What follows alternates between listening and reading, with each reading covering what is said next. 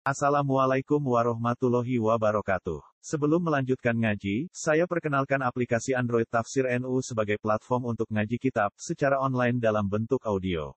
Tafsir NU berisi berbagai kajian kitab kuning dari berbagai ulama NU.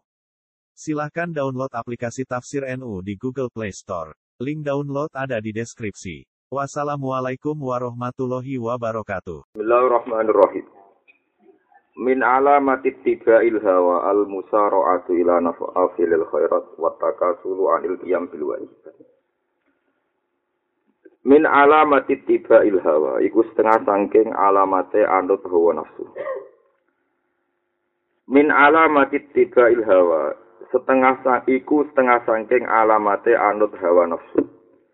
Al musara'atu te cepet-cepet bergegas ila nawafilil khairati maring kaapian sing sunat.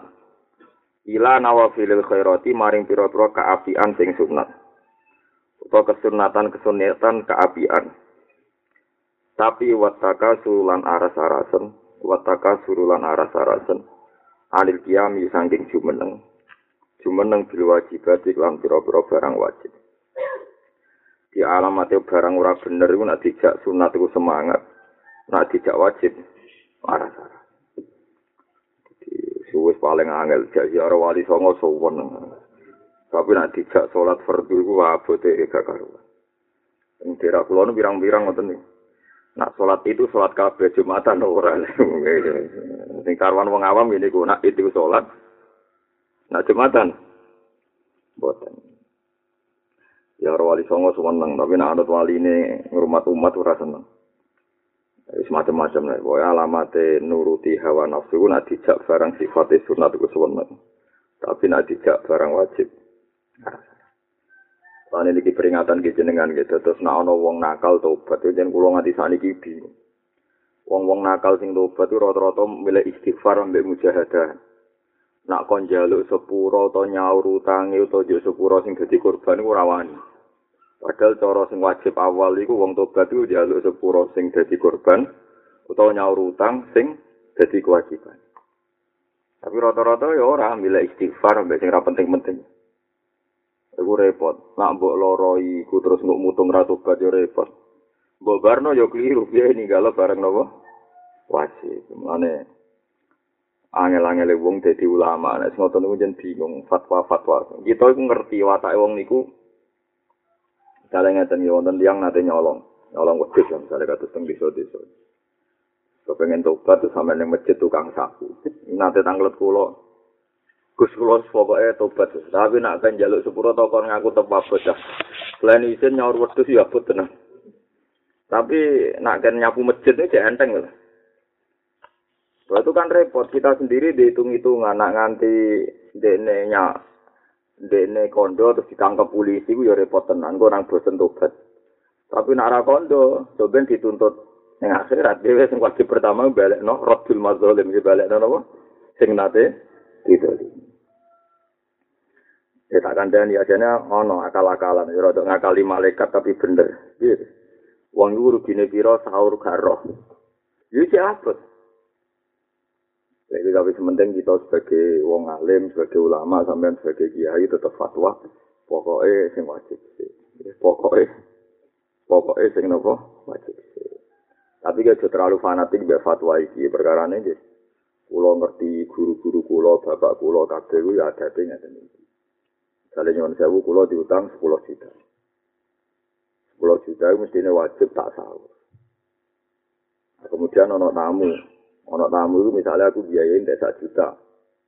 Ya sadar wong soleh-soleh di sini tetap hormat tamu desa juta. Senajan tuh di kewajiban utang 10 juta. Lalu mulane ora ono fatwane ulama sing ning kitab kecuali kudu dikoreksi be ahwale ulama lokal perkarane umpama ngono tenan berarti ngene ana tamu barno yuko tamu kan sunat aduk duit tak tabung go nyaur utang ana tamu nang barno meneh yuko tamu kan sunat sing kan nyaur utang iku yo sabar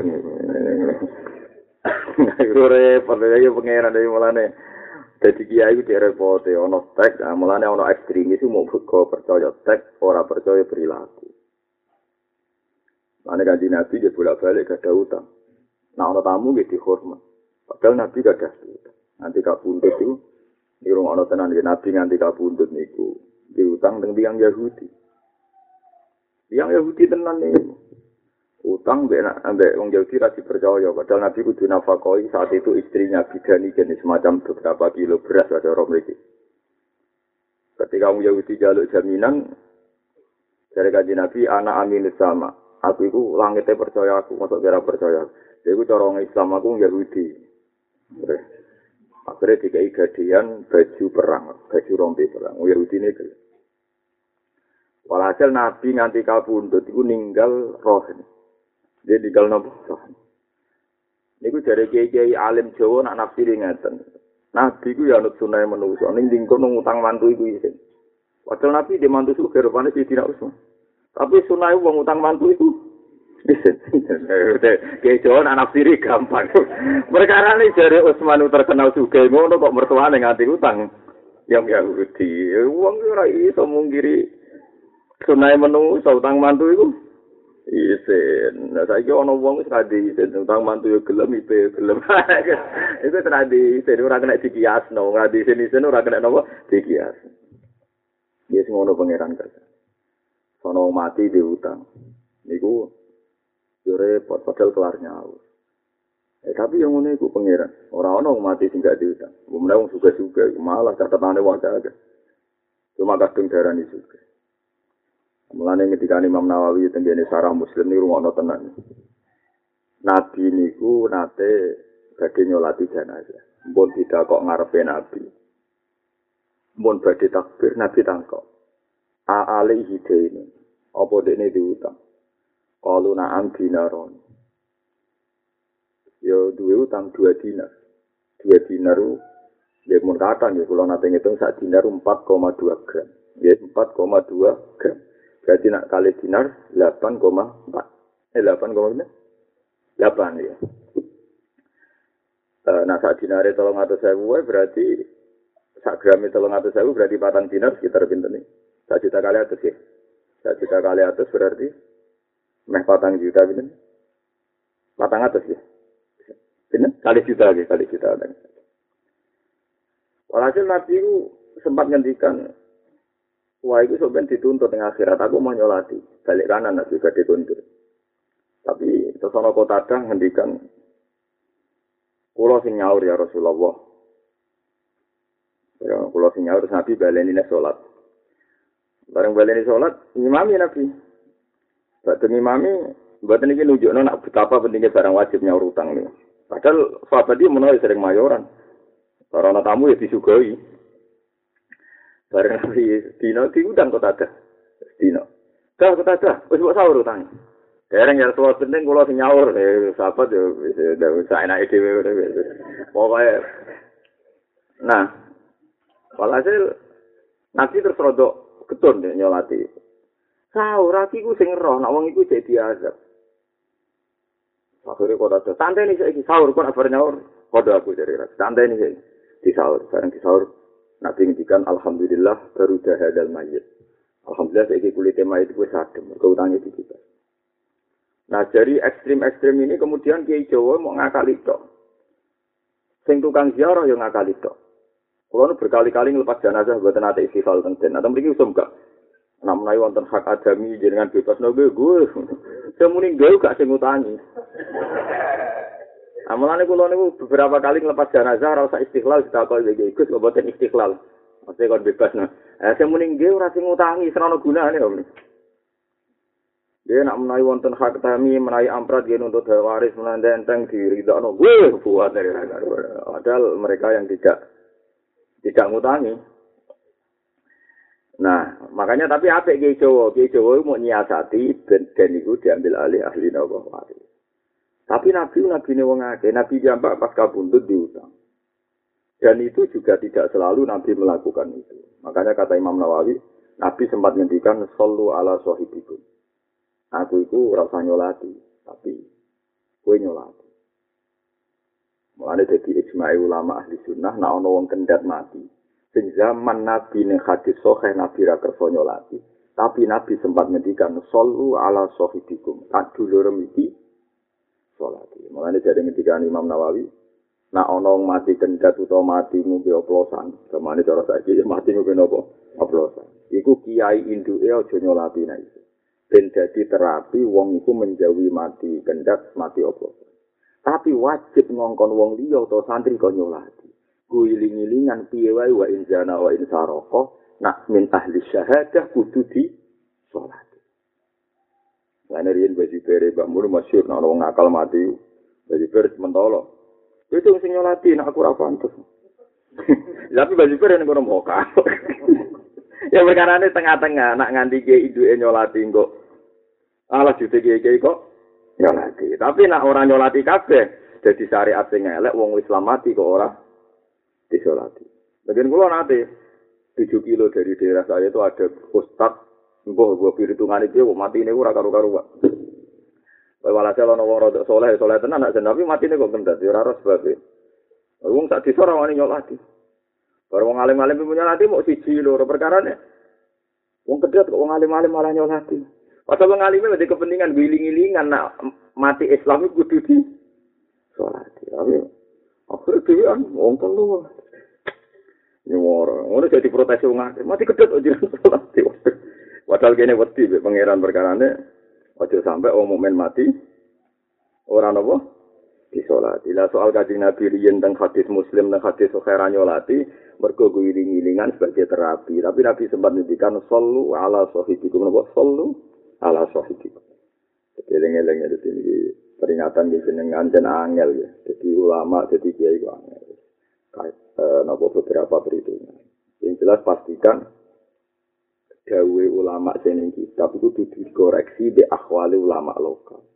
Orang ana ulama kabeh diutang kabeh kiai diutang, tapi ya tetep ae nyangoni santri ana wong kurang ya dikai dhuwit, ana tamu dihormat. Ora ana sing praktek. Sebutin nggih boten saged kula hormat. Betul-betul kalau hormat jenengan tek 200.000 kula nggih diutang tonggo toko niku 150 atau dhisikno nyaur apa? Utang ya ora ana wong edan nganti ngono. Ya biasa ae. Ya biasa ya artinya utang yono anggaran. Nawafilil khairat yono nawa. Nah ini nah wong tobat seneng istighfar ya barno. Nah wong tobat seneng nyapu masjid ya barno. Ojo kok paksa lakoni barang wajib. Aku yakin ngeper. Karena di pantangan ketemu wong sing tau dicolongi tetep. Iya betul kira-kira pantangan betul pantangan. Mulane Ketika Imam Syafi'i nak ana tek ning gone kitab iku wong pahami nganggo ijma'i ulama sing ijek urip. Dhewe sing urip ku sing duwe tanggung jawab carane nglakoni syariat. Kok bali male sing urip ku sing roh tanggung jawab carane nglakoni syariat. Nah, wong wis kabundut wis mau ngendikan nak ana wajib bertentangan mbek sunat kudu mal wajib. Yo ngendikan ngono tok.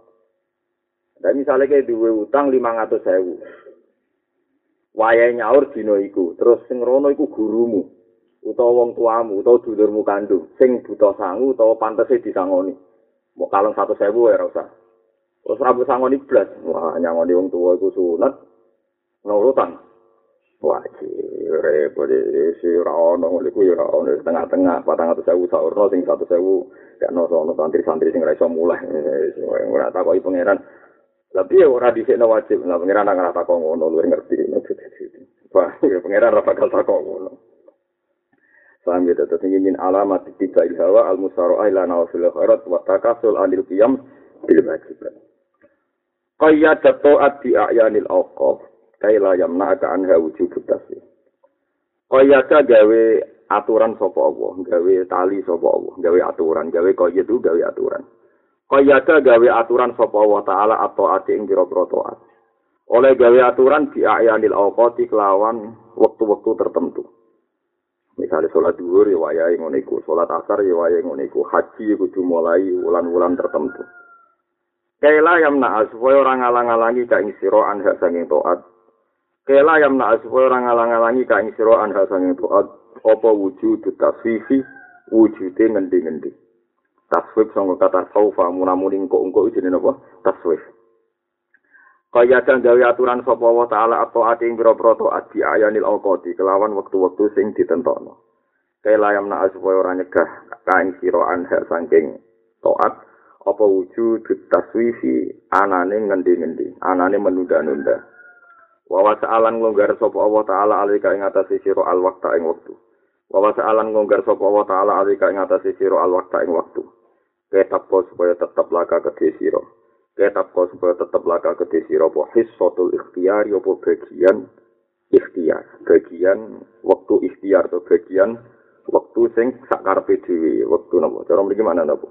Ikhtiar karepe dhewe. Hissatul ikhtiyar apa waktu sing longgar atau sak karepe dhewe. Terus nyata nih jadi Allah Taala misalnya kayak waktu zuhur yang mulai lagi sire serengenge nganti dilusak mislalu. Mungkin waktu asar kayak ngotot niku waktu maghrib. Karena apa dikai waktu ben wong ketika dipanggil Allah itu ada batas akhir. Jadi misalnya Allah manggil gue sholat zuhur dengan berakhir zuhur misalnya setengah telu kan ada batas akhir. Nah ada batas akhir kira ngendo ngendo mereka gelem gelem setengah telu berakhir. Tapi Allah ngekei waktu wajib, misalnya zuhur kan antara dua jam setengah. Nah dua jam setengah supaya anda jatuhkan pada waktu sing kue seneng tenan. Misalnya ada kan Allah wajib none awal waktu kan, misalnya wong tengah-tengah mangan, jebule no adan. Terus saya gue wajib awal waktu kan, wah sholat ngel ngelo wong tok, wae tengah-tengah mangan, apa aja. Gue sing wong mangan, anak wong antena anyar atau wong macam-macam repot. Jadi sampai ibadah dianggap problem. mau mau wajib awal waktu kan tengah-tengah numpak sepeda motor atau tengah-tengah mangan kudu berhenti. Allah ora ngene iku ya keben dhewe ngenteni wektu ikhtiar. Wong fanatik awal waktu ya aja wong bodho-bodho masalah. Riyen zaman Nabi lu boten, Nabi ngendikane biasa ida wudi al asya nak mangan sore atau mangan malam wis disediakno wa hadratil isya atau ana adzan isya ya fakot timul asya kowe mangan se. Jadi ini Nabi itu, ono wong awal waktu ngantuk banget. Nak sholat itu kira-kira malah kacau. Jadi Nabi nak waktu sholat, dia ngantuk ya turu. Tapi saya coba bodoh masa lu, kalau nak awal waktu itu dosa. Dia nak awal waktu itu, nopo. Dosa ini buat tenang salah. Sing seneng ngoten di keben, tapi rasa macam-macam. Paham ya? Nak ben awal waktu, awal waktu dewe, tapi rasa nopo macam-macam. No, biasa mawon. Mulane pondok lirboyo nih. Jadi kalau gak ada sanat mutasi. Mbah Mun riyen ngajine teng Lirboyo. Lirboyo nak salat akhir. Kula wingi nu ziarah teng Mbah Karim niku kula niku setengah enam ning alun-alun nganjuk. Kalian Hasan anak kula mangan. Niku dugi Lirboyo niku. Terus pas salat maghrib, wis me isak nih. Jadi kula sak jamaah teng kados teng Anwar teng ngene padha Mbah Mun nak maghrib yo akhir subuh ya akhir. Memang ada ulama yang sanate salat akhir, guling-gilingan. Nah awal waktu itu gak wajib. Jadi tujuannya ngabadek no ilmu. Nah awal waktu itu ora wajib. Meskipun ya awal waktu kita sepakat, tapi masalahnya nak kabeh awal waktu, kok saya sholat jaga problem. Problemnya wong yang tengah perjalanan, wong sing sedang makan, wong sing sedang asik. Dan misalnya wong di bayi, ibu-ibu di bayi lagi nyusui, lagi rong sedotan terus ono adan, ibu melayu walah nangis kabeh. Tapi baru kayak waktu ikhtiar, wes kita ambil seberapa jam atau setengah jam, mesti anak itu wes turu. Toh waktu zuhur, iki ono rong. Ya, jadi pentingnya ulama. Mulanya ono ulama sing ekstrim atau Lirboyo, nunjuknya nak awal akhir waktu itu boleh. Karena nak sholat akhir. Wong yai bangun nak sholat subuh, ini jangan nganti puadek. Padahal kalau lagi ngertos tenggalan. Wong kalau nate batu riba subuh subuh awal, ini ngopi baik pulau. Bocah pujian nganti bengok-bengok main semrak. Ora sing nutuke kentong tong tong subuh ya melek maksudnya ya ya ini jago kan wis. Ya mau guyu tok di demo guyu tok santai. Ora kok terus are yo ora ning dalem. Yo ngerti santri do protes. Solo. ya tenang Malah cerita kula ngeten dadi dewe nabi nak salat awal waktu fadlu nak tengah-tengah iku rahmatullah. Lah nak guri-guri iku afu di sepuro pengen. Jadi segolek fadol sake, segolek rahmat sake, aku di sepuro sake. Kalau rian kau ya guyon, tapi ternyata Lirboyo itu begitu. Kalau serah sholat pondok gede akhir Lirboyo bek sarang. Kalau bapak-bapak kalau awal, pondok-pondok Quran rata-rata awal. Ya begitu. Jadi umpama awal kabeh itu ya nanti jadi masalah. Umpama akhir kabeh jadi masalah. Lah sementing saiki iku sanut hikam Allah gawe waktu itu, waktu akhir itu ben gak ditaswif, ben ono batas akhir. Tapi gawe longgar ben ono waktu ikhtiar. Jadi pun penak. Pun ini pun penak, pun tengah-tengah. Karena kata sekolah niku teng naruhan ini jarang imami, tapi kalau kapan-kapan imami, tapi kalau jarang, tapi purun, kalau imami purun kapan-kapan, tapi kalau ini jarang. Itu tujuan ngot, kalau ngot. Kanjeng Nabi ini ngimami terus, tapi sering ngutus sahabat imami. Tujuannya Nabi yang orang kudu pemimpin itu jadi Tapi umpama Nabi kok makmum terus, engkau uang ya ribet. Tapi Nabi imam terus, engkau uang kudu jadi imam yang terbaik. Kemudian Nabi sering imami tapi sering dawuh sallu khalfa mangqala la ilaha illallah. Jadi ning fakir itu misalnya syarat imam kudu alim, wonge bener, soleh, suarane apik, bajune apik ngene-ngene. Iku cara fakir, nak cara nabi gampang sallu khalfa mangqala la ilaha illallah. Mulane akhirnya nabi nanti sukses jadi makmum. Abu Bakar niku diutus imam. Mergo nabi kira. Ketika ngentuk orang rokaat nopo sak rokaat kan nabi rawuh terus ngeke isyarah maka nada kue tengok tengok nih Abu Bakar gak enak awal hasil Abu Bakar tetap mundur Nabi maju. Akhirnya gak sukses imami Nabi gak sukses. Perkara Nabi akhirnya gak sempat jadi makmum. Tapi ada satu peristiwa yang disepakati ahli hadis Abdurrahman bin Auf satu-satunya sahabat yang sukses imami Nabi. Jadi ini satu perjalanan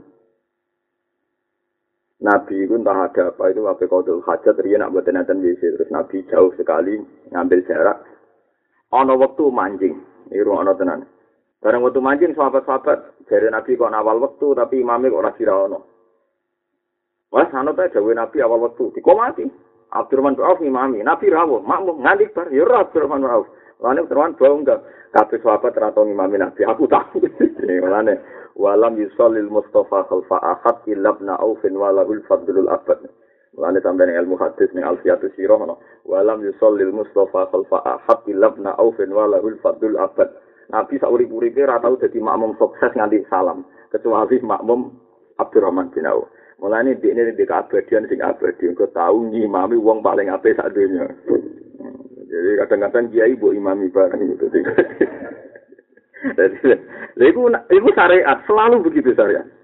Ideali imam itu kada wa kada. Tapi Nabi Dewi secara dawuh sallu khalfa mangkola la ilaha illallah. Dalam mau nuruti ning fakte imam kudu paling alim, suarane paling apik. Lah nek kowe mlaku-mlaku ning gone masjid, kowe ngrasa hafal Quran, imame makhraj ra bener, ngapunten nggih sing paling berhak kula niki. kan gak habe ora ono ngono-ngonoan. Mulane fakte mbok percaya aja imani nemen-nemen. Wis pokoke aturane Nabi sallu khalfa mangkola. La ilaha illallah. Misale imame macane Fatihah rapati bener, ruku rapati bener sanggep bae. Ketok iman wis makmum ngono. Ora kok terus kowe wacanamu apik, kowe ngerti takrib mungkin terus ngapunten iki aturane pancen ngaten yang terbaik yang jadi imam nah gue itu tengah-tengah imam terus gurumu teko ah aku rasa salah mundur ganti aku ya ora ono ngono iku ya soalnya ngono lha iku jenenge syariat ya terus kabeh ulama ini sholat awal waktu tapi ana ulama-ulama kados Wirboyo sarang akhir waktu guling-gilingan ngilangno dianggap wajib kalau balik balik guling-gilingan ngilangno dianggap wajib. Nabi ora seneng mbek utang. Wes nabi nang kritik utang tak ngamek. Wong mujahid itu kabeh mlebu swarga, gak ono hisab blas. Bareng Nabi badhe ngendikan ono kondur kang sidelok balik meneh ilat den. Hagaza qala li Jibril. Kecuali masalah utang. Mbok mujahid lah fisabilillah di audit nak masalah apa? Utang. Tapi Nabi dhewe kapundhut ninggal utang. Mergo guling-gilingan pirsa Nabi nak umat esuk ben Ya lala utangnya itu gede, gede baju kurang. Saya mana BPKB wakil. Semuanya kayak so gedeng teman-teman, mau sing gede BPKB nganti mati, paham ya? Iku ya niat atau tapi deh prakteknya ya semuanya itu ya semoga itu nabi nih wong akeh mulane penting ngaji ya sok suci pepe ono hadis nabi anti den gue sok suci anti dia wae nabi pas kabundut ninggal lorohen Wis ngono nabi, mergo nabi ne wong akeh. Nabi sering ngendikan ya ummul qauma aqra'uhum li kita billah. Iku yo hadis nabi. Dadi nek iso imam sing ideal, tapi nabi yo dawuh sallu khalfa man qala la ilaha illallah. Pokoke urip wis ngaten iki lah sedengan kados kula jenengane sedengan. Sampai banget yo ora, lek banget yo ora, soalnya cek urip ngono ae. Alima perso sapa wa ta'ala millatanuhu dil ibadi ing sidike berantane kawula. Alima pirsa sapa Allah taala qillatanuhu dil ibadi. Ing sidike brantane utawa cara mriki napa? Kangen banget to jeneng? Bronto alima pirsa sapa Allah taala qillatanuhu dil ibadi. Ing sidike brantane pira-pira kawula. Kawula cek sidike kangen ning pangeran. Ila muamalati maring khidmah ning pangeran. Ila muamalati maring khidmah ning pangeran. Mulane fa ujaba mongko majibna sapa Allah taala alaihi ing atase ibad majibna wujud to ati ing wujude taat ning Allah. Jadi umpama kawula ora diwajibno salat, ya ora salat tenan. Umpama ora diwajibno zakat, ya ora zakat tenan. Mergo gak duwe kangen mbek pangeran ora duwe, berhubung ra kangen agak diwajibno ya ora rono. Kurang ajar gak. Munamun iku pangerane tapi ora tau kangen. Mulane fasa kok mongko ngiring sapa wa taala hum ibad ilaiha maring muamalah utawa ilaiha maring taat sami niki. Bisalah silil ijabi kelawan rantai-rantene kewajiban. Lah iya wong kon moro pangerane dhewe, sujud ning pangerane dhewe ngenteni diwajibno. Mestine sujud itu kebutuhan. Kowe nak yakin Allah pangeran, mestine sujud itu kebutuhan. Kowe nak yakin Allah pangeran, mestine taat itu kebutuhan. Tapi gelem taat nak diancam lebu neraka. Lah wong kok aneh ngono. Mulane terus ajib gawa sapa rebuka pangeran sira. Mingkau min sangking kaum Isaku nakang den kiring sapa kaum milal jannati maring swarga tapi gelem bisa lasili nak ngenteni diran dirante. Walek banget. Walek banget to kita. Wong iku nak kepen mlebu swarga kudu salat sik wajib. Nak gak diwajib lo gak salat. Lah iya wong ape mlebu swarga kok ngenteni dikiring ambek rantai. Lah ya yo aneh. Ya, yeah. misalnya sama seneng cawe itu, ora usah di SMS, ora usah diwarai ngekei duit.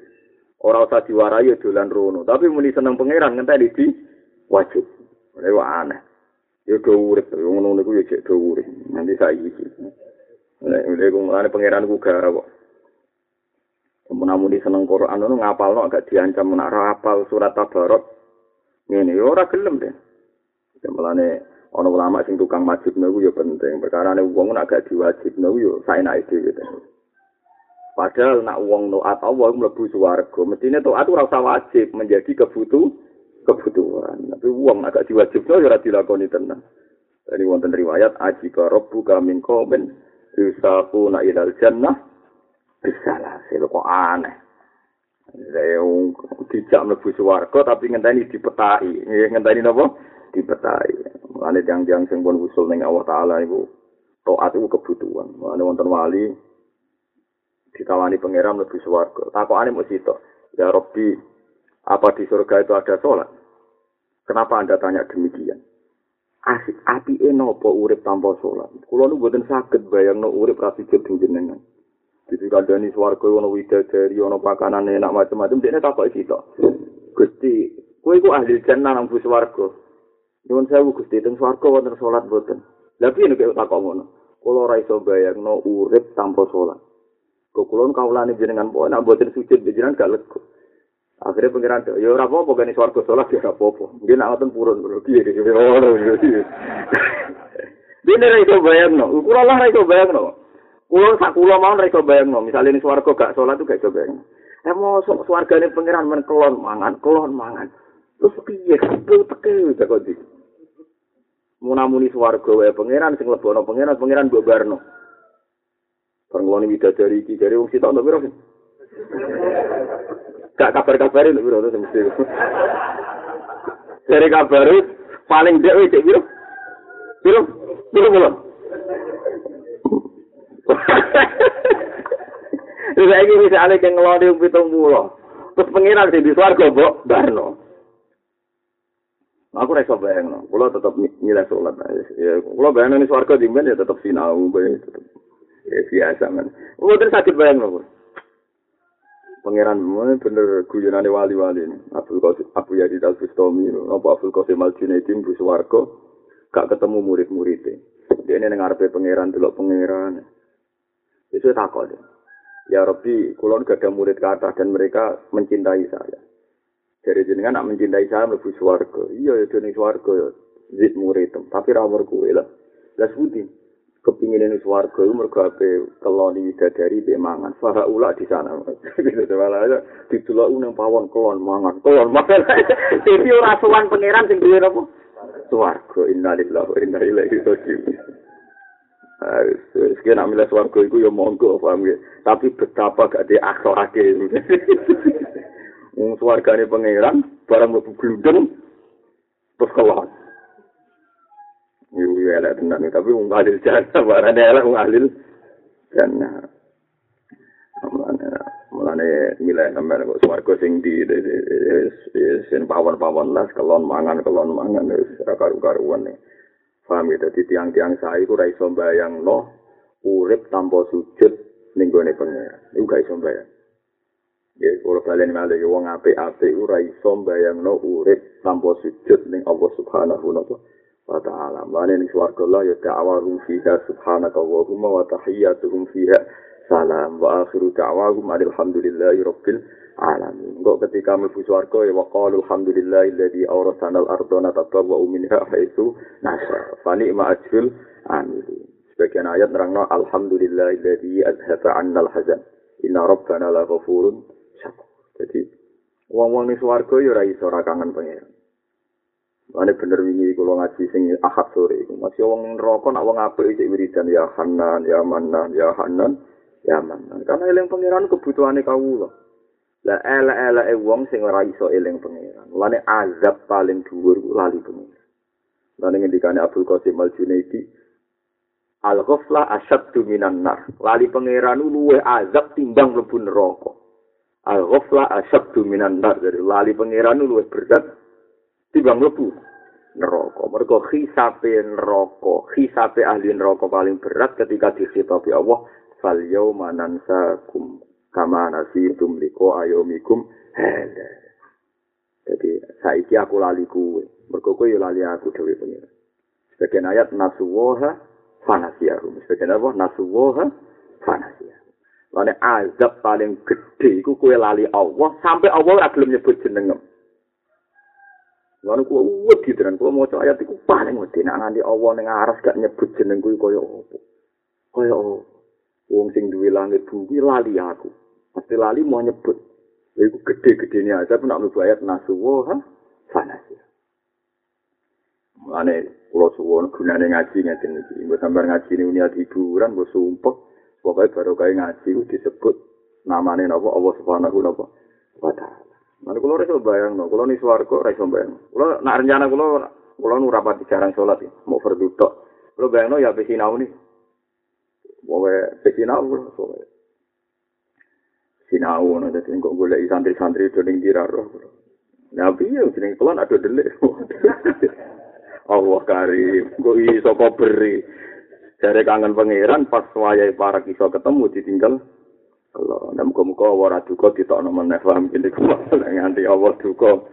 Eh, mesti wargane wong gak pamit kok opo. Mesti warga ku gak pamit kok opo. Metu. Apa nek Gusti? Lego aji karo buka min kaumin yisaku na ilal jannah. Bisalasir. Mulai kalau suwon saat ini nak jinan sholat duhur. Ojo sampai krono wajib. Sholat asar ya ojo krono wajib. Panjen kangen pangeran. Iya panjen kangen. Ini disebut Fama yuridillahu ayah dihu yasroh sodrohu il Islam. Alamat wong ape setiap perintah Allah. Di ini itu lapang dada. Orang anggap perintah Allah itu problem. Mereka nak anggap problem padha karo yusaku na ilal jannah bisa lah sih. Jadi latih, jadi jadi latih. Kalau terus akan. Aujaba alika wujud khidmati wa ma aujaba alika illa dukhula Aujaba majibna sapa Allah taala alika ing atas sira. Allah majibna wujud khidmati ing wa anane khidmahne Allah. Allah majibno kuwe kudu khidmah ning Allah.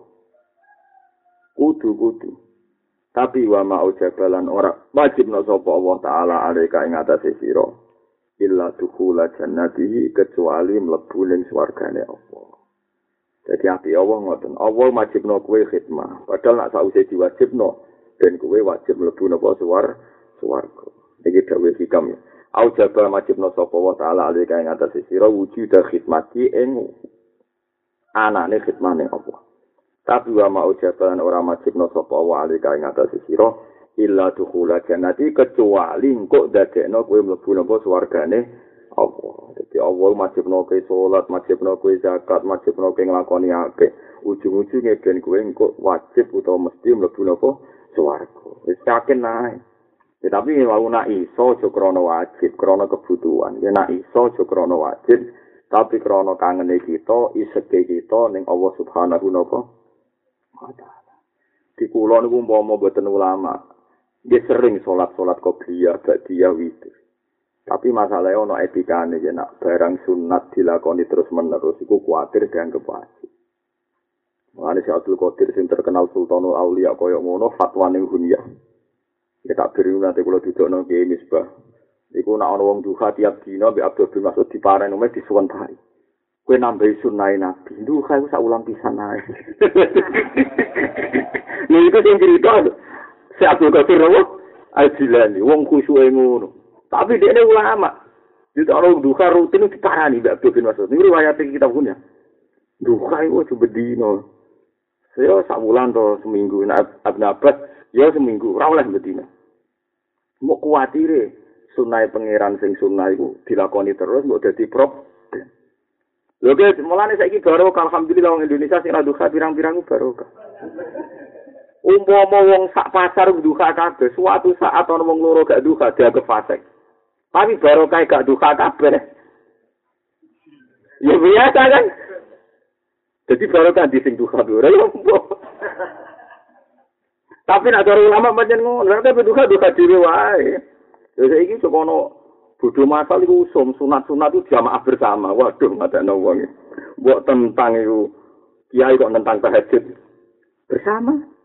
Nah, buat tentang padahal tahajud itu kismun sing layu sandu jamaatan kan sholat itu loro ono sing disunatno jamaah ono sing ora tahajud kategorine gak disunatno jamaah repot Eh, tapi mesti alasannya ngono, buatan tidak jamaah, buatan tahajud.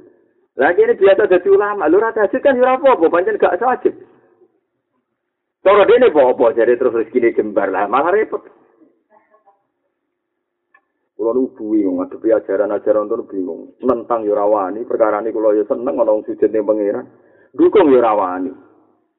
Ya kok wani sebut iki cara hukume Allah taala ning sing wonten hadis saleh, sahih. Ngeloni bojo ku ibadah. Wa fi buti ahadikum sedekah. Lah kok misale ruhen tengah-tengah kelon tahajud sedang mau dimulai.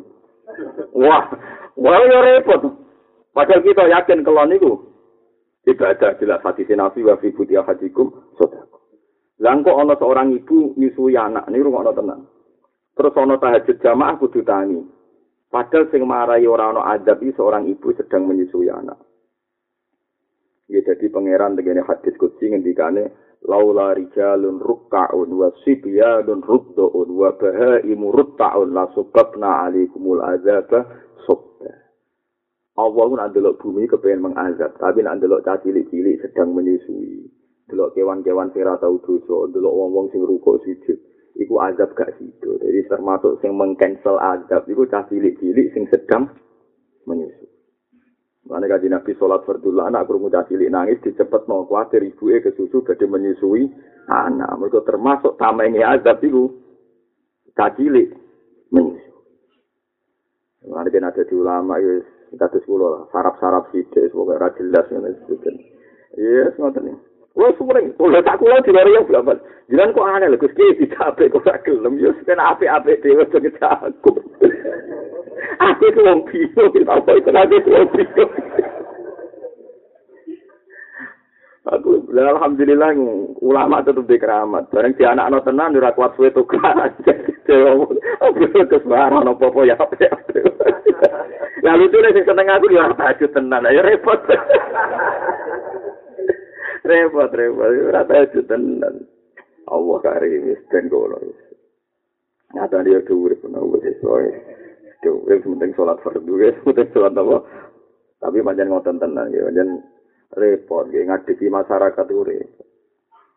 Ayo saiki malah salat khusyuk itu dijual belikan.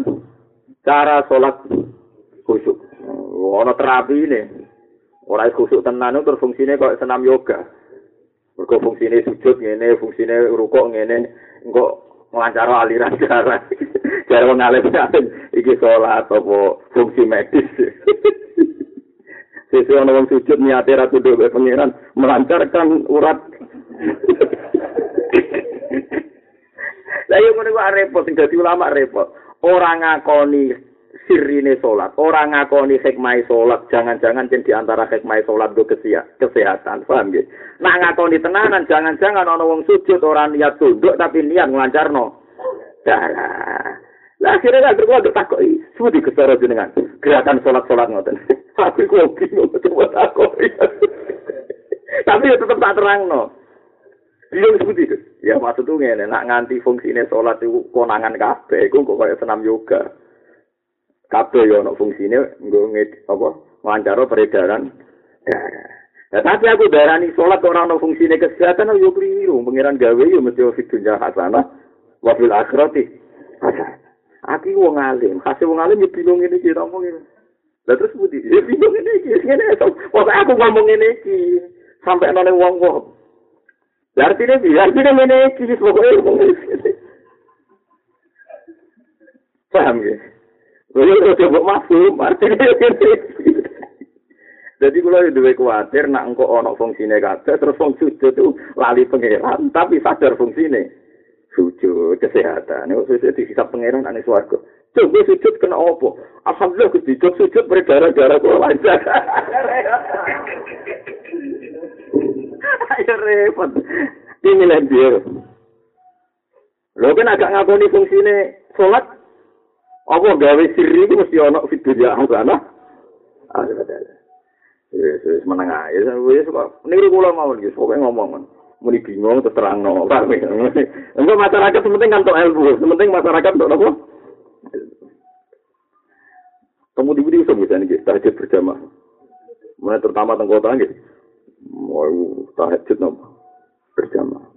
Malah saat ini wonten usum hizib jalbur rizki orang hizib jalbur rizki hizib gue narik nopo Tapi kalau sing syukur sing ijazah lalu rapat ide duwe. Kalau syukur banget, artinya ketara raman dine nih kalau syukur. Jadi syukur, kalau syukur. Nanti kalau suwon gitu, sampai ngaji pentingnya ngoten gitu. Ulama sing mau hadis kata. Hadis ya umul kaum akrohum li kita bila ya sohe. Tapi solu khalfa mangkola la ilahi luah gitu apa. Sohe. Mereka keadaan kita nih ora jelas. Ana daerah-daerah pondok sing pantes imame kiai, ana daerah abangan sing lagi Islam anyarani wis sak sak dadi-dadine sing imam coba barani rasa latihan salat kok barani. Rasa ndole mau nganti ngono, latihan salat kok barani. Rasa. Ewan repot. Mana cukup fanatik, fatihah ora bener rasa. Lu ngajen latihan sholat oh langsung bener.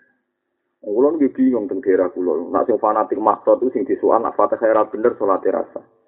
Nak teng daerah Sedan mriku fanatik fikih. Dadi nak ono niteni wong bener ora ngene. Nak sarungane ngisore udel. Paham ya?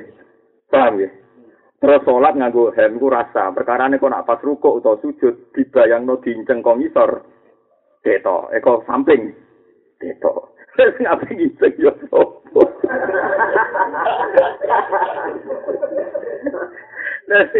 Teng daerah mriku niku anggere ana wong alim kok nganggo kaos dalam atus kula ngeten iki. Adek sarungan ngisore. Udah lu dianggap sholat rasa. Mergo pas ruko didelok mintuki napa komisi bayangane kan didelok king napa napa mriki jeneng. Kulon mintuki komisi ku kira-kira didelok ketok gak sah. Ngoten nek kula jarak salat nganggo kaos dalam kula sarungan ngisore utul melok makmum. Di pinggir tiang sing darani rasa, menengah. Dari ngomong sih tahu di sana, sudah kesulitan di bar.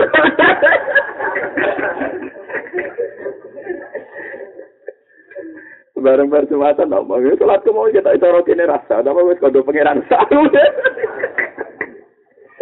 Sangkemu ke jarak, jarak kayak raja. Sangat lu Jadi tiap daerah itu yang difonis gak sah itu macam-macam. Nah daerah fakir itu di kasus no itu, kayak sarungan gitu, hari nopo. Oke, mana daerah mereka uang mesti nggak kaos dalam. Kamu no sarungan itu duduk, nanti ono tiang sarungan nggak mepet duduk. Nah daerah tidur kiri, daerah pasuruan itu akhlak be guru. Wong bersiki guru sampai jadi pepatah guru Tuhan kedua, fanatik lan gitu. Dikandani pangeran ana azan komat ora mandi, tapi dhewe kiai melayu. Lah iya panggilannya pangeran mbek kiai kok mandi. Santri ku pacaran biasa anak ra konangan kiai ini, kiai ini wedi, padahal nak mbek pangeran. Ora wedi. Mulane sampe dadi guyonan, eh kiai Timur sirik. Ngopo wibawane nganti kok pangeran. Perkara sing masyarakat itu sampai pangeran rapati wedi to bebek kiai. Wedi ra karuan. Tapi ya ono sing nak wel Jawa Timur alim ono nak wel ngene. Mergo kiai ku wong ku, wong ku mesti rapati apik. Tapi ya nak pangeran kan apian, nah kiai kan apike pas-pasan. Mulane nak kecewa ngamuk, pangeran ora ada maksudnya. ya ono sing nak ngene ya kok pinter ya ngono.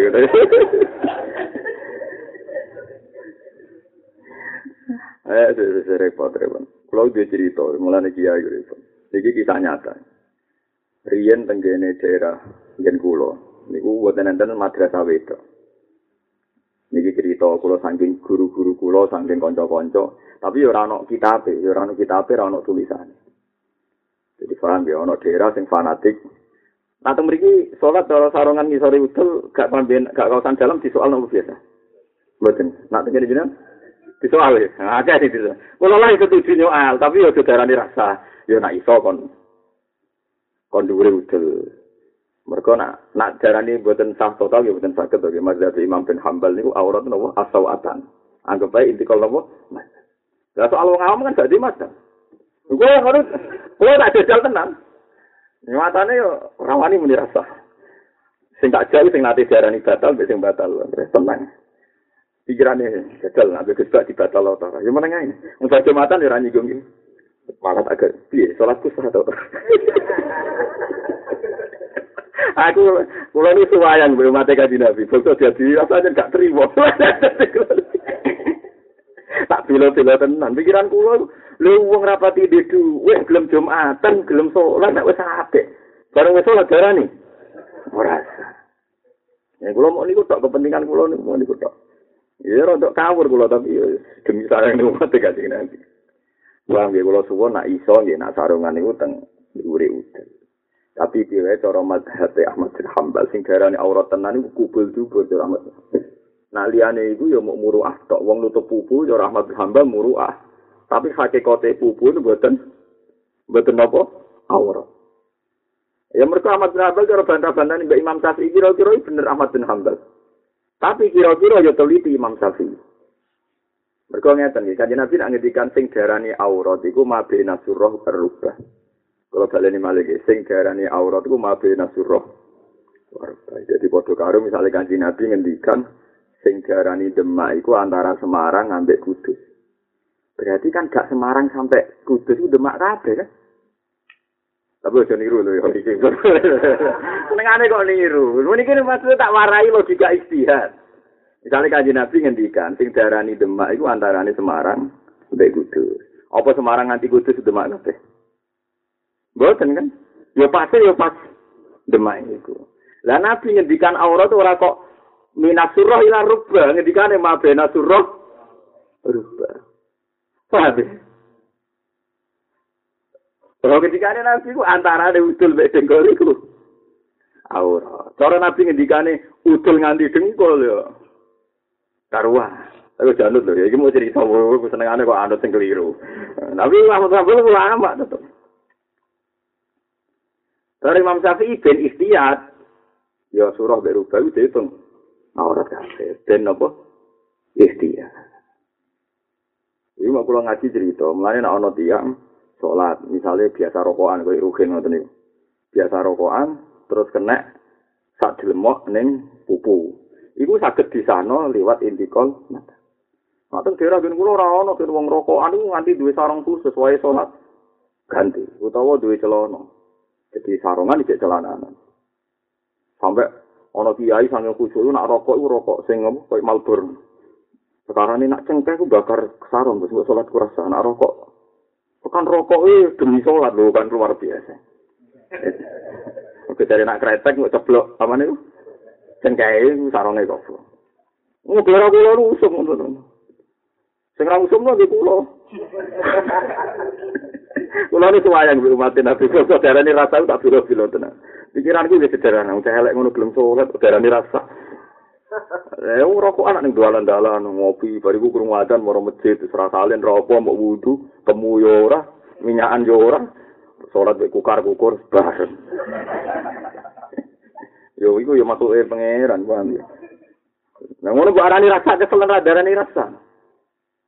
wong awam kira-kira nek diomongi rasa tenan ada rasa ora timbang salat yo rasa repot Mulane jogeman muni istilahul ulama tapi muni tausiatul ulama. Mulane ketika ane mizan kubro pas ngarang pas ngarang apa mizan kubro dewe la taqulu istilahul ulama walakin qulu tausiatul ulama. Ke jogeman muni silafe ulama tapi muni yo jembare ulama. Sekarane nak ulama kabeh kados kula di dunya ora ana aturan yo bahaya. Iku lampu merah. Tapi nak muni apa sithik rasa? Iku malah wis gempa iku malah dunya ini bar Lan ulama loro iku ana terus. Mulai riyen ana ulama resmi ana ulama dalan wis sunah pengen zaman alim-alim Imam Syafi'i iku pangeran gawe wong alim jenis Saiban Arro Ya sinten Saiban Arro iku masyhur Imam Syafi'i darani zakat kudu sanisom kudu haus. Murid Imam Syafi'i tidak dolan ning Saiban Aroi. Tako. Mata kulu fi zakat. Sampai murid Imam Syafi'i itu protes, mislu katas alu hadal badi. Jenengan seali medina atau kok um bedui. Wongnya senengannya ngon wedus ngalor gitu. Akhirnya Saiban Aroi tako. Alamat hadikum au alamat hadikum. Coro kue apa cora? Coro jenengan. Nah, cora aku. Dulunya aku rasa nisab lah wajib zakat. Nah, cara mazhab mak ngenteni sak nisab. Nggih. Kenapa cara jenengan ora sak nisab kok wajib zakat? Lah iya. Apa nak dunya sithik terus ora ana subhat e?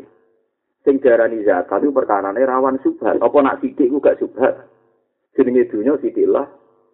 Ya ana subhat. Ya sami mawon to, Apa nak duwe ruhen pepe ora duwe terus gak ana subhat e? Apa mana duwe kernet-kernet super bodoni ya bolak-balik. Ayo cepet-cepet wis tapi jalan tapi jalan yo jalan jalan. Lah, yo mlarat wis pinter bodoh. Bodoh ini. Apa mana nak umbalan teng Magelang zaman kula tesih sering ngebus. Kuwabe bus ini oh terakhir terakhir. Padahal yo terakhir. Nah, gertawa, kalau dia nanyaran, ya langsung numpak. Waduh, kita terakhir, orang tuh yuk, jebule ratau terakhir. Jam lima ya menit terakhir mau setengah enam. Menit terakhir. Mau enam. Lah itu rezeki ya sebuah dok uang melarat. Lah iya dari saya benar roi Woi kok iso wajib no zakat ngerti sak iso ku alasan apa? Apa dunyane wong sing dunan iso ora ono napa coba ya yo padha wae. Mane terus muridnya lagi ngakori, sebelum wong yo ngalih. Dari Imam Syafi'i bareng godur ngandani murid. Wong ning dunya sing ilmu ya padha wae aku ya wong iku. Jadi mulane wong mesti ana wong alim sing jabat ning NU ning MUI sing di pondok gede. Ana wong alim dalan kados kula ora kanggo-kanggo. Tapi kan nah ilmu kula tetep pede. Oke ketua MUI kalau nak debat pede mawon urusan ilmu, tapi nak duit beda kalah kok. Tapi urusan ilmu cewek.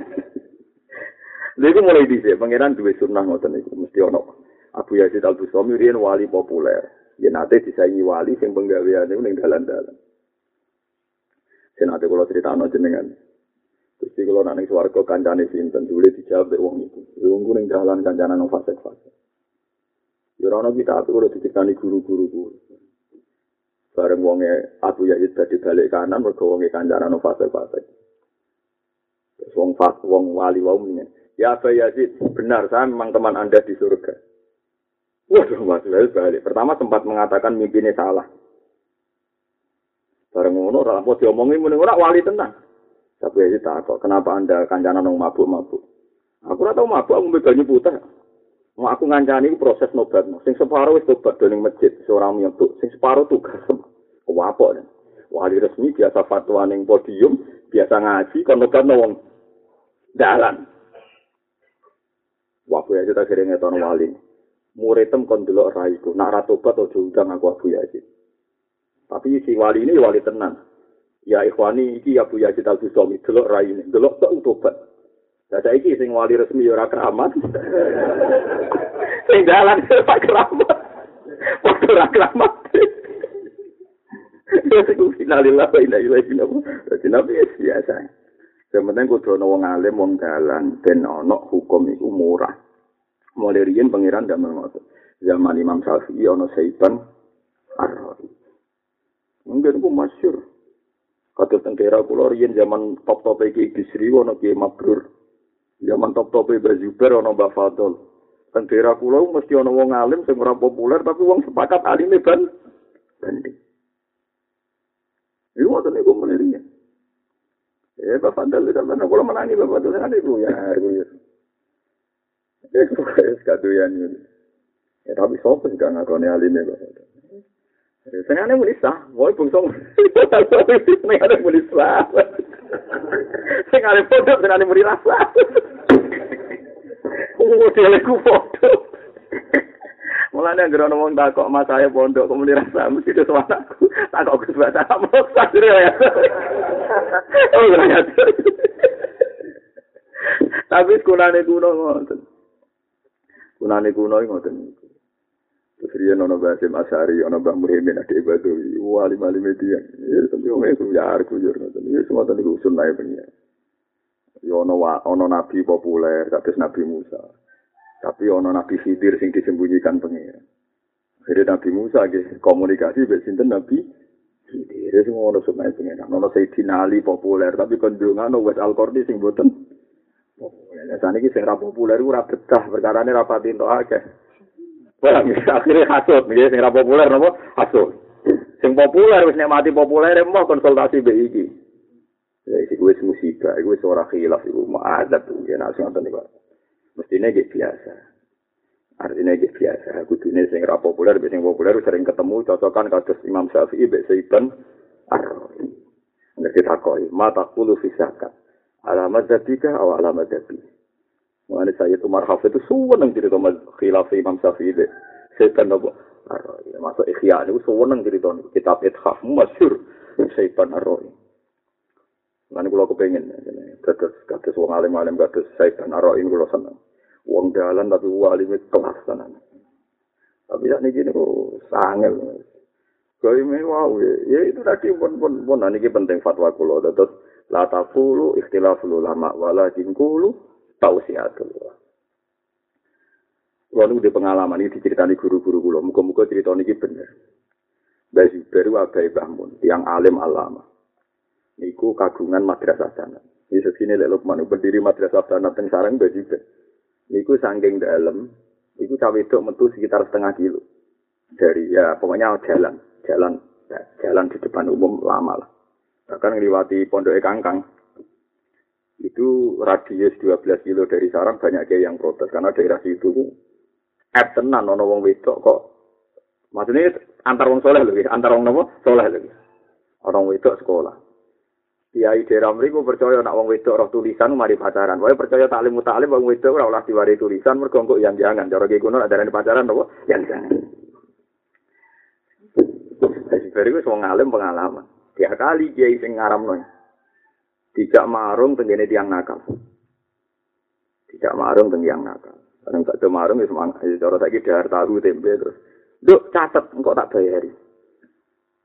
Ya bek kiai sing sing ngaramno Mbah, kula boten saged nyatet ya. Aja omongno sing nambah omongno lali nduk aku catet ae. Ben gak lali. Jadi aku mau mangan iki mantap ta. Kula boten saged nulis, Mbah. Hasil akhirnya bar marung. Sing kiai sing aran lha iku reso nulis dadi lonte. Wah, semane dibuat nyindir.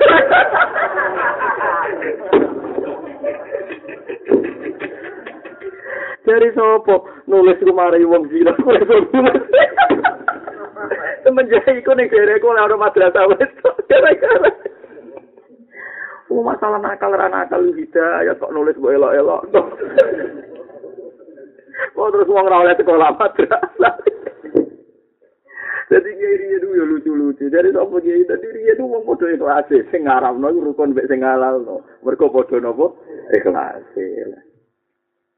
Lho kok akab iki top Indonesia? Nganti saiki akab. Karena podo ikhlas Iku sering dikritik ya biasa. Kulo nggih sering kritik. Wah, mon cuma anak kalau kaku hati kadang tak tantang. Ayo sebenarnya ngoro-ngoro masar selamat. Oh, lu kok nantang. Tapi penting gue iling-ilingan. Famirian masyur. Bahas gue ya rata otak bebas. Sinten? Bahas. Iya ini bahas ini ngaram no wong nutuk kentong. Mereka bahas ini percaya hati sohe. Nak kentong kana kusin. So. Sing kita ngolah. Ya bahasim kakuati di murid alim dake, dake yo dake. Acara nikah neng murid sing alim mau, wayai zuhur kentong. Bahasim dulu. Kue ku murid, ku tak haram no kentong kok kentongan. Iku bahmun kula blebet bek goni.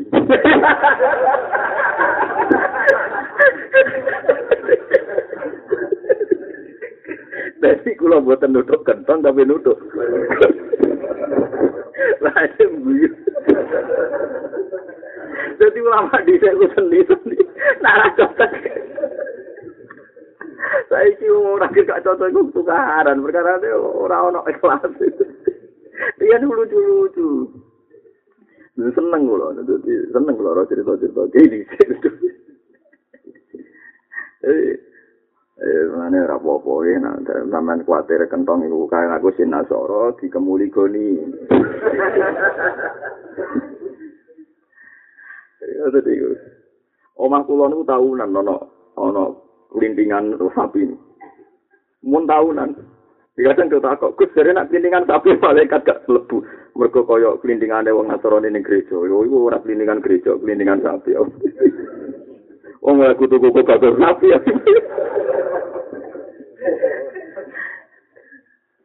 Lah sak niki mun kula coplok, tapi mun nate dong mak kula pitung tahun wis saya leren wiling-wilingan nak wong ngumi zaman dhisik beda-beda iki. Mergo dhisik lundingan ciri khas wong Nasrani, saiki ciri khas sapi. Dadi wis rupa karo dadi ciri khas. Iki padha karo riyen di Indonesia ngaramno santri celananan. Mergo mantas sabdi kau min fahuwa minhu. Mergo sing celananan namung belan. Saiki kabeh wong saleh. Celananan.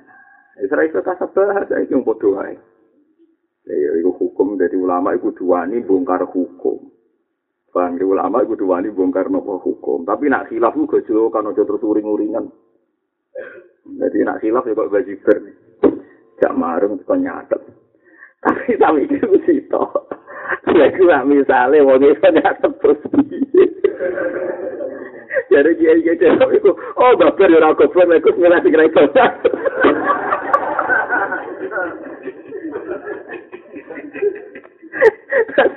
ya ini saya lucu. Pemenang bapak kulo, iku ya nganti kamu duduk. Sarah kulo bapak nganti kamu duduk iku ya. Jadi alasannya, aku iku izin ya, pengiran nak susah. Kau negara di kari itu digawe pengiran. Memang anak kiai merenggut men susah wae. Sebenarnya nak takokane pangeran gak rido ya, Mbak. Tegir kelamen merenggut. Lan aku guyon ae. Paling kan tak takoki pangeran aku ning dunyane ku happy. Baik-baik saja mbek aturane pangeran. Jadi bapak yakin betul nak guyon ku ibadah, seyakin-yakinnya. Lan orang seneng serius kok gedeng bapak jadi. Gue be aku wali aku, nak percaya itu ngomong di di tantangan rawani.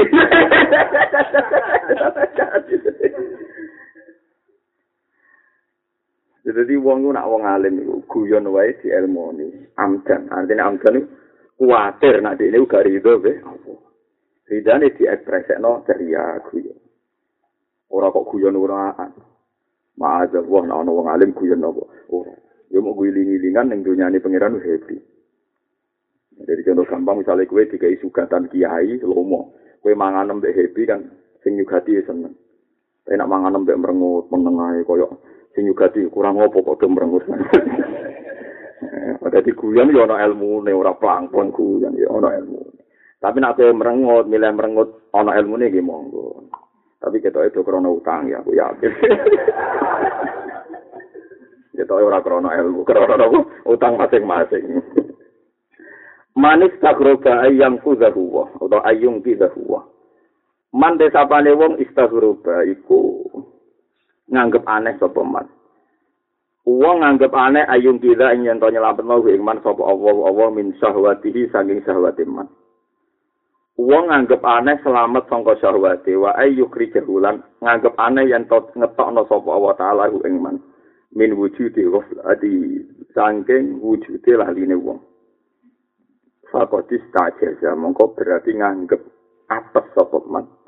Al kudro ta ing kekuasaan al ilahiyah ta kang bangsa kepangeranan wa kana wa ala kulli syai'in qadir muqtadir wa kana lan ana sapa wa wa ala kulli syai'in ing atase saben-saben perkara iku muqtadir dat sing kuwasa Jadi syahwat itu kaya apa mengikat kita, kaya apa kita parek mbek syahwat. Tapi kena kue nyongko ora bakal selamat sangka syahwat, berarti nganggep pangeran ku lemah. Tapi kalau warai iki carane iki kalau warai iki musalsal nganti Sayyidina Umar bin Khattab. Misalnya kue rawong ayu kan syahwat, roh ayu syahwat. Kue nak cara Sayyidina Umar barno wae syahwat. Yang penting ojo zina. Mergo justru kue duwe syahwat iku nak kasil ora zina dadi ibadah mergo ninggal barang mung Mergo Allah ora nulis ganjaran ninggal zina, kowe ra zina mbek kebo mbek sapi, mergo ora duwe sah. Nanti ditulis ganjaran mergo duwe syahwat. Jadi Jawa Sidina Umar ketika ditanya, apa engkau pernah terlintas ingin zina sama perempuan-perempuan itu? Ya iya. Apa anda ingin meninggalkan syahwatmu? Tidak deh. Aku kepengen syahwat ibu ijek tapi ramak siat. Bukankah anda ingin berdoa supaya syahwat itu hilang? Tidak, aku ora ditulis ganjaran. Dan syahwatku ijek tapi aku gak zina. Mergo aku iku ora bakal ditulis ganjaran ninggal zina sebab ora zina mbek sapi, mbek wedhus perkarane ora ono syahwat. Jadi syahwat itu iso dikelola. Nggih, iso dikelola guling-gilingan aku iku menu. Tapi ya kudu ra tenan, wah syaratnya kudu ra tenan. Lu duwe ngoten.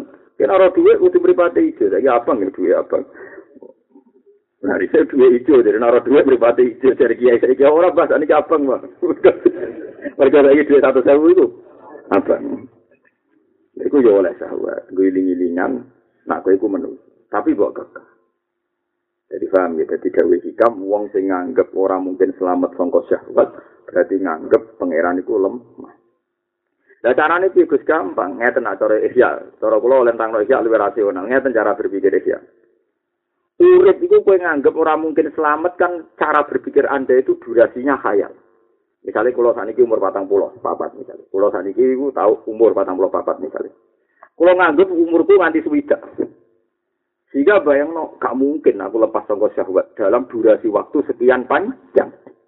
Mereka jadi 10 tahun uripku. Tetapi sing nak kue yakin selamat sangka syahwat sok suci ku oleh nak demi pangeran. Iso wae detik itu juga kayak mati. Paham ya? Jadi uang sing nganggep orang mungkin selamat sangka syahwate mergo khayal uripe panjang. Paham ya maksudnya? Lho nggih to, misale Ruhin ini bar ngaji terus mati, berarti kan selamat kok maksiat. Lah setiap saat kita kan mungkin mati. Berarti nak mati berarti selamat sangka syahwat, sangka maksiat. Kalau saja misalnya ono wong jam itu dongo, ya Allah Gusti selamatkan saya dari syahwat. Lha nak bayangno 10 tahun ke depan kan abot. Paham ya? Atau 20 tahun ke depan kan abot. Tapi nanti ini bayang selamatkan saya dari sahabat. Jam bolu, bayangannya mati jam songo. Jam songo selamat, bayangannya mati jam 10. Kan butuh selamat per step, per sak jam, sak jam. Kan enteng kan? Paham sih kalau maksud? Nah, mulanya Hikam juga pernah berkomentar itu, pernah menghentikan. Kue nak tahu maksiat, yakinlah itu maksiat yang terakhir. Dan ke husnudon be Allah. Nah caranya piye? Iso wae kue sesuk mati, itu sebagai maksiat. terakhir. Mulane nang nglakoni taat, iso wae ku taat terakhir. Lah kita juga wong soleh iki bayangno maksiat ku jangka panjang. Mosok wong ora iso wong iso lepas sangka syahwat. Waduh 10 tahun ro wong ayu ro dhuwit mosok ora syahwat. Lha wong soleh amatir jenenge paham ya. Wong soleh kok bayangno urip. Panjang. Padahal nak soleh tenan kan wa mali akhiratika ka anaka tamutu khodan. Kowe nak ngamal demi akhirat itu seakan-akan mati nopo sesuk. Nak cara Dewi Ibnu Umar masyhur, "Idza amsayta fala tanta idza asbahta fala tantaziril masa wa idza amsayta fala tantaziril soba." Dadi nak esuk aja bayang nganti sore. Nak sore aja bayang nganti esuk. Dadi urip iku. Wane kula ngrasa sugih. Kula sering kode bojo kula, wae sugih tenan. Lah kok sugih? Aku saiki di 200.000. Lah urip sedina ning desa nang di dhuwit 200.000. Beras 10 kilo, suka banget. Lah nek urip 10 tahun, aku wong alim jelate dadi wong bodoh, dadi aku iku urip tak hitung sedina. urusan jenengan urusan kula. Waduh. mateno. Eh dilatih kok gak gelem wis. Nek iso kedina ya sanggep apa sak wulan. Ilmu ini gak populer. Tapi kudu dilatih, paham ya? Dilatih. Tapi buktinya kok di duwe nara di padune ra di duwe repot. Pun kula terus nage. La tudhi suka. Rubama waradati zulmu alaika li yu'arrifaka qadra man nabi alaika. Rubama waradat terkadang lewat. Rubama waradat terkadang lewat opo azzulamu pira-pira kepetengan. Opo azzulmu kepetengan di sami mergo masjar iku saged muzakkar saged nopo muannas. Nabi damel muannas jamak di angsal rubama waradat terkadang tumeka opo azzulamu pira-pira kepetengan utawa syahwat. alika ing atas sira. Liu arifaka supaya ngenalno sapa wa taala ka ing sira. Kodro ma ing kadare perkara mana kang wis paring sapa wa taala di kelawan ma alika ing atas sira. Rubama warata terkadang terkadang tumeka apa azulul azulamu pira-pira kepetengan alika ing atas sira. Mergo ini nak tenggene sarah iku zulam ditafsiri asyahawat wal ma'asi berarti tidak makna faham. Mulane fi'ile disukani napa? Tak Tapi misalnya orang yang mau azulmu bisa, mereka master itu sakit mudakar, sakit nopo, mana? Maksudnya oleh, mana oleh kadahan. Programa warodat terkadang tuh mereka azulam kira-kira kepetengan alika yang atas siro, liu arifaka, supaya ngenal no sopa wa ta'ala ka ing siro, kodro ma ing kadari perkara manna kang wis paring sopa wa ta'ala di ma, alika ing atas siro. Kadang wali-wali, ya roh rasane peteng, roh rasane syahwat, roh rasane kasmaran macam-macam. Gue iling-ilingan dek ini ben sadar nek mati Allah iku akeh. Maksudnya ngeten iki. Misalnya orang wali papan atas. Misalnya kata Abdul Qadir jalani papan atas. Yu kadang wong sahabat tenang. Ketika beliau sahabat itu sadar, ternyata dua sahabat kok di selamat no songko zino sekian tahun, di selamat no songko selingkuh sekian tahun. Berarti anak sahabat plus selamat itu nunjuk no nek mati Allah Taala sing luar biasa. Jadi mulane wong kudu eling prestasi sing wis kliwat, aja eling sing akan datang. Piye prestasi sing kliwat kita tahu dislametno ngene-ngene. Misale sing tahu salah, jumlahe salah iki akeh api. Jadi wong kon eling-eling nek mati Allah. Lho gitu, misalnya ana wong tau nglakoni dosa gedhe loro tak telu. Tapi ini diparingi sedina sholat ping limo. Bertahun-tahun sedina ping limo. Limo ping setahun kan pun ribuan. Sementara dia ngelakoni dosa gede, jadi bisa dihitung dengan hari. Tapi orang krono niat cepelek non niat betapa nikmati Allah luwe akeh tinimbang napa diadab dene maksi ya. Jadi cara berpikir hikam. Jadi kadang gue yang ngakoni kesalahan, tapi justru iku nunjukno kadar nikmat sing diparingi gue. Maksudnya ketika seorang wali salah, iku gue iling-ilingan salah iso dihitung dengan jari, kebaikannya sudah tidak bisa nopo. Nah, itu mulane wong iku kon berpikir positif. Mulai nak hikam cara berpikir positif. Jadi ya, khawatirnya kayak ngoten itu. Kalau orang fakir kan terus khawatir, jangan-jangan ini menyepelekan dosa. Nah, cara pikirannya wong hakikat walian. Wong eling dosa terus, itu jangan-jangan dadekno putus asa sange rahmate Allah. Niki kula cerita tenan nggih tengene Arisarah Al-Kusyairiyah. Arisal Al-Kusyairiyah niku kitab populer tasawuf teng kalangan pondok. Mulane kata kiai jenenge Kiai Kusyairi, mergo tabarruk ambek sing aran napa Arisalah Al-Kusyairiyah. Kitab Arisal Al-Kusyairiyah ini wonten cerita. Jadi Abdul Qasim Al-Junaidi dipetui seorang pemuda. Mantan pemabuk, pokoknya mantan wong nakal. Uh, terus beliau itu setelah jadi orang alim itu tanya sama Abdul Qasim Al-Junaidi, "Ma ya taubah?" Sing darani tobat iku piye? Abdul Qasim Al-Junaidi jawabnya sesuai ke syariat, "Allah tan sazam bak kowe ora ora nglalekno dosamu." Pemuda mau tersinggung, terus arodo anhu abek muni ngene. Wa inti anak toba antan sazam fakir. Nak cara aku sing darani tobat itu lali dosa. Lali dosa sing wis liwat. Walhasil pemuda itu mirip. Suatu saat Abdul Qasim Al Junaidi ketemu mitra antar wong hakikat. Aku ngerasa dosa mbek pangeran, mergo bantah cah nomiku sing wis wali. Wis saiki aku takok, wis tak gawe pernyataan cara saniki sing darani tobat itu nglalekno dosane.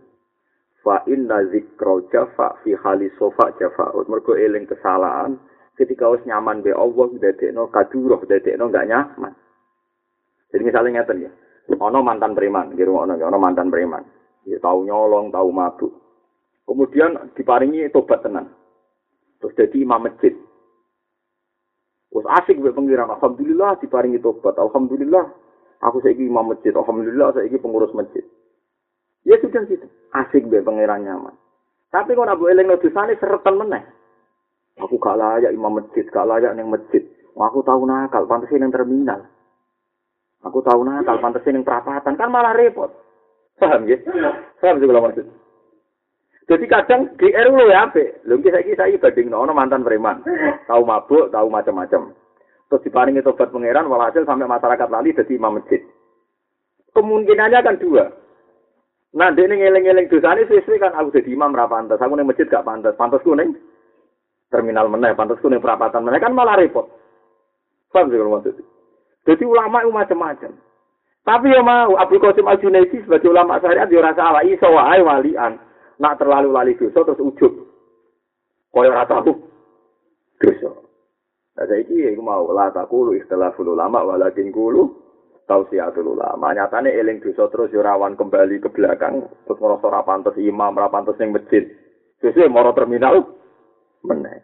Tapi nak terlalu over lali dosa ning kok ujub kaya gak duwe masa lalu sing suram, paham? Radio masa lalu sing suram. Mane bener hikam masyur kan ngendikan maksiatun auratat jullan wan kisaron khairun min taatin au jabat atau auratat napa izan wastikbar. Wong maksiat tapi ngeling-eling maksiate dadekno tawadhu mbek wong liya, luwe apik timbang lakoni taat tapi dadekno kemlungkung ambek wong. Nah, ini penting, pentingnya ngaji. Jadi, wong nak terlalu eling maksiat, jangan-jangan terus ngerasa ora pantes urutan masjid ora pantes dadi kiai. Kok yo repot balik ke belakang. Tapi nak terlalu lali jadi ana napa ujo mun kula kalian ini rupa mawarata terkadang tumeka apa azulamu pira-pira kepetengan alika ing atase sira? Sebut ini liyu arifaka supaya mirsakno sapa wa taala ka ing sira. Awa mirsakno qadra ma ing dari perkara mana kang wis paring sapa wa taala di kelan ma alika ing atase sira. Walam